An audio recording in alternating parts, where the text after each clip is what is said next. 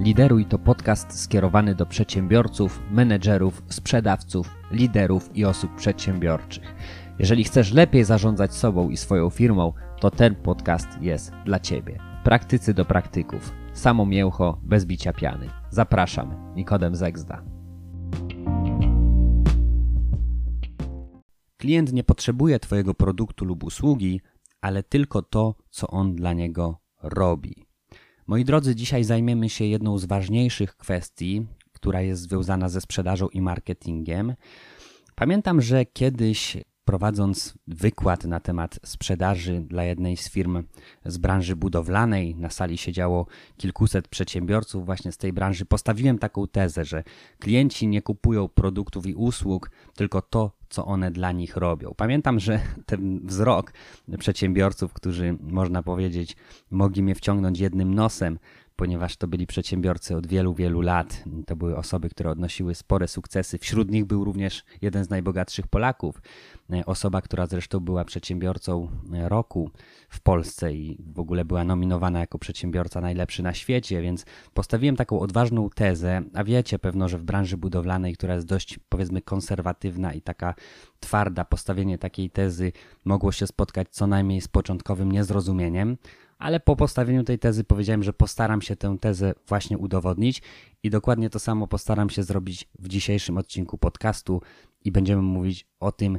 co tak naprawdę z punktu widzenia psychologicznego kupują klienci. Więc zaczynamy. Skoro klienci nie kupują produktów i usług, to co tak naprawdę kupują? Można powiedzieć, że klienci kupują zasadniczo tylko dwie rzeczy. Niektórzy mówią, że tylko jedną rzecz, a tą rzeczą jest zmiana. Natomiast jeżeli wejdziemy bardziej w szczegóły, to można powiedzieć, że klienci kupują dwie rzeczy. Po pierwsze, chcą rozwiązywać jakiś problem, czyli kupują rozwiązanie problemu. I druga rzecz, którą klienci kupują, to kupują dobre samopoczucie. Najlepiej, jeżeli kupują obie rzeczy jednocześnie, zresztą zazwyczaj rozwiązanie problemu wiąże się z polepszaniem sobie samopoczucia. Natomiast nie zawsze musi to występować w parze. Czyli z psychologicznego punktu widzenia można powiedzieć, że klienci tak naprawdę kupują rozwiązanie problemu i dobre samopoczucie. I co to dla nas tak naprawdę oznacza?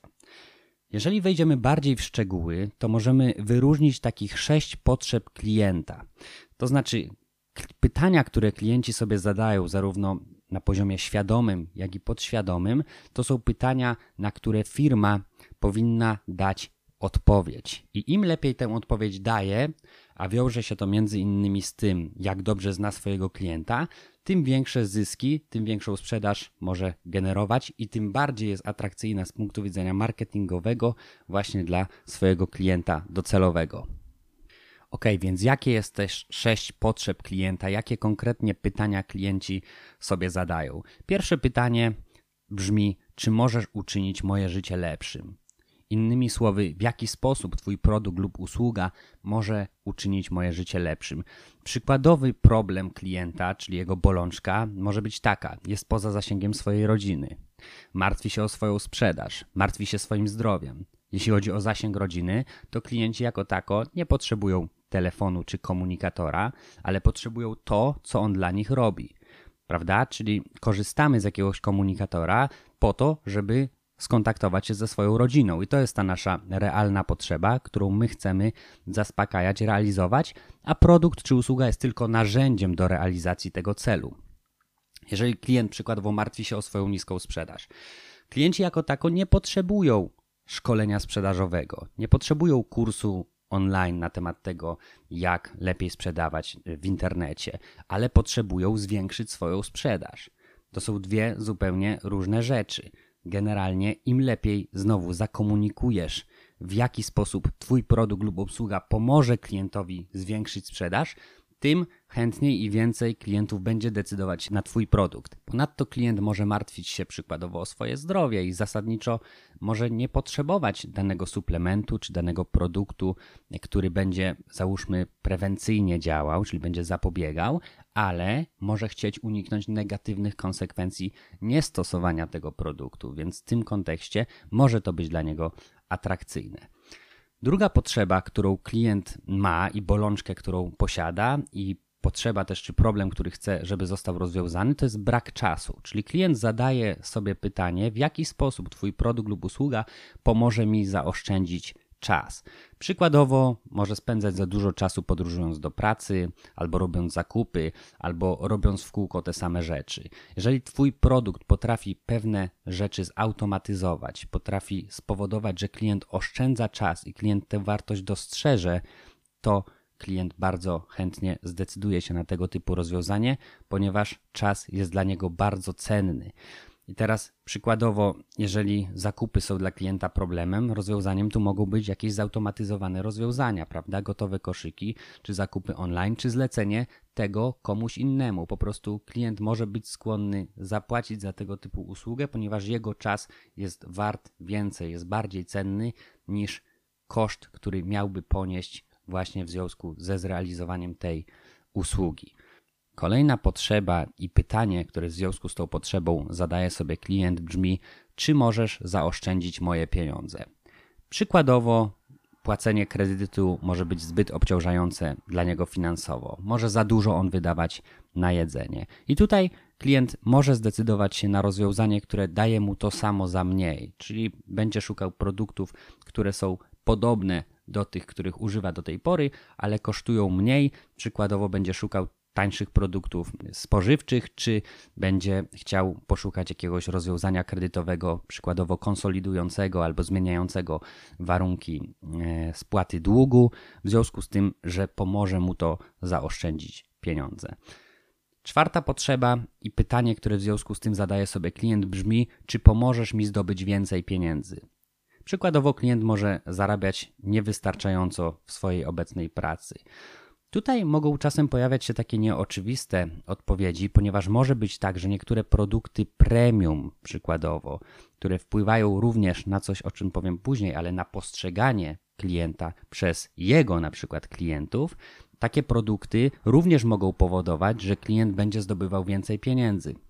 Mogę tutaj podać przykład, załóżmy z branży finansowej, gdzie często szkoli się e, specjalistów, agentów, doradców w taki sposób, żeby mieli ze sobą zawsze przy rozmowie z klientem albo dobrej jakości wieczne pióro, albo dobrej jakości długopis. Po co? Po to, że to jest narzędzie, które buduje wiarygodność, buduje zaufanie, buduje również pozycję profesjonalisty, bo jak to się mówi, profesjonalistę od amatora odróżniają szczegóły, ale przede wszystkim jest to narzędzie, które pomaga agentowi zdobywać więcej pieniędzy. Może brzmi to zabawnie, trywialnie, szczególnie dla osób, które nie siedzą w branży, ale naprawdę ma to bardzo duże znaczenie, jeżeli dajemy klientowi do podpisania umowę dobrym jakościowo długopisem, który waży troszeczkę, nie jest takim, że tak powiem, byle czym, tylko faktycznie jest, jest konkretny, to klient też ma takie poczucie, że to jest solidna firma, że to jest solidna umowa. To jest wszystko na poziomie podświadomym ale faktycznie, jak to się mówi, jak to mawia Brian Tracy, w biznesie wszystko ma znaczenie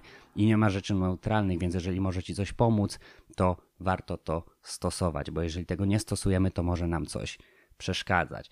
Więc generalnie zdobywanie większej ilości pieniędzy może być też bardziej, powiedzmy, oczywiste. Przykładowo, jakaś oferta dodatkowego zarobku, jakieś możliwości dodatkowego generowania pieniędzy dla Twojego klienta są również czymś, co może go zachęcić do zakupu Twojego produktu lub usługi, jeżeli tego typu rozwiązania w swojej ofercie posiadasz. Kolejna, bo piąta już potrzeba klienta i pytanie, które w związku z tym sobie zadaję, brzmi: czy pomożesz mi mieć więcej satysfakcji z tego, co robię? Przykładowo, moje zadania pra w pracy są nudne, nie cierpię swojej pracy, albo jazda moim samochodem nie sprawia mi satysfakcji, albo wjeżdżanie na moją posesję nie sprawia mi satysfakcji. Uwaga, to może być taka potrzeba często nieuświadomiona głęboko, ale dopiero w zestawieniu jakby z czymś, co może tę satysfakcję znacząco podnieść, ona nabiera większej mocy. Przykładowo klient wykonuje testową jazdę jakimś nowym modelem samochodu i nagle okazuje się, że czerpie tej jazdy zdecydowanie więcej satysfakcji niż z jazdy swoim dotychczasowym samochodem. No i to uczucie, ta emocja zostaje z nim i ciężko jest mu zrezygnować później z tego uczucia, z tej emocji, które mu towarzyszyło właśnie podczas tej na przykład próbnej jazdy, e, ponieważ jest to uczucie bardzo mocne, które motywuje go do tego, żeby właśnie dokonać zmiany, w tym przypadku samochodu.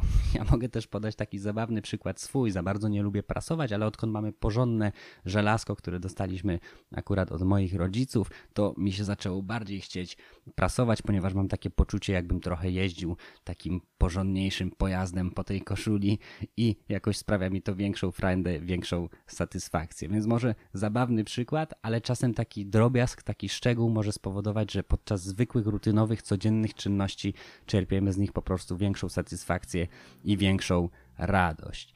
No i szósta potrzeba klienta to jest potrzeba bycia lepiej postrzeganym. Czyli klient zadaje sobie pytanie, czy pomożesz mi być lepiej postrzeganym. Przykładowo ludzie nie widzą mnie jako inspirującego, ekscytującego czy jako dobrego rozmówcę.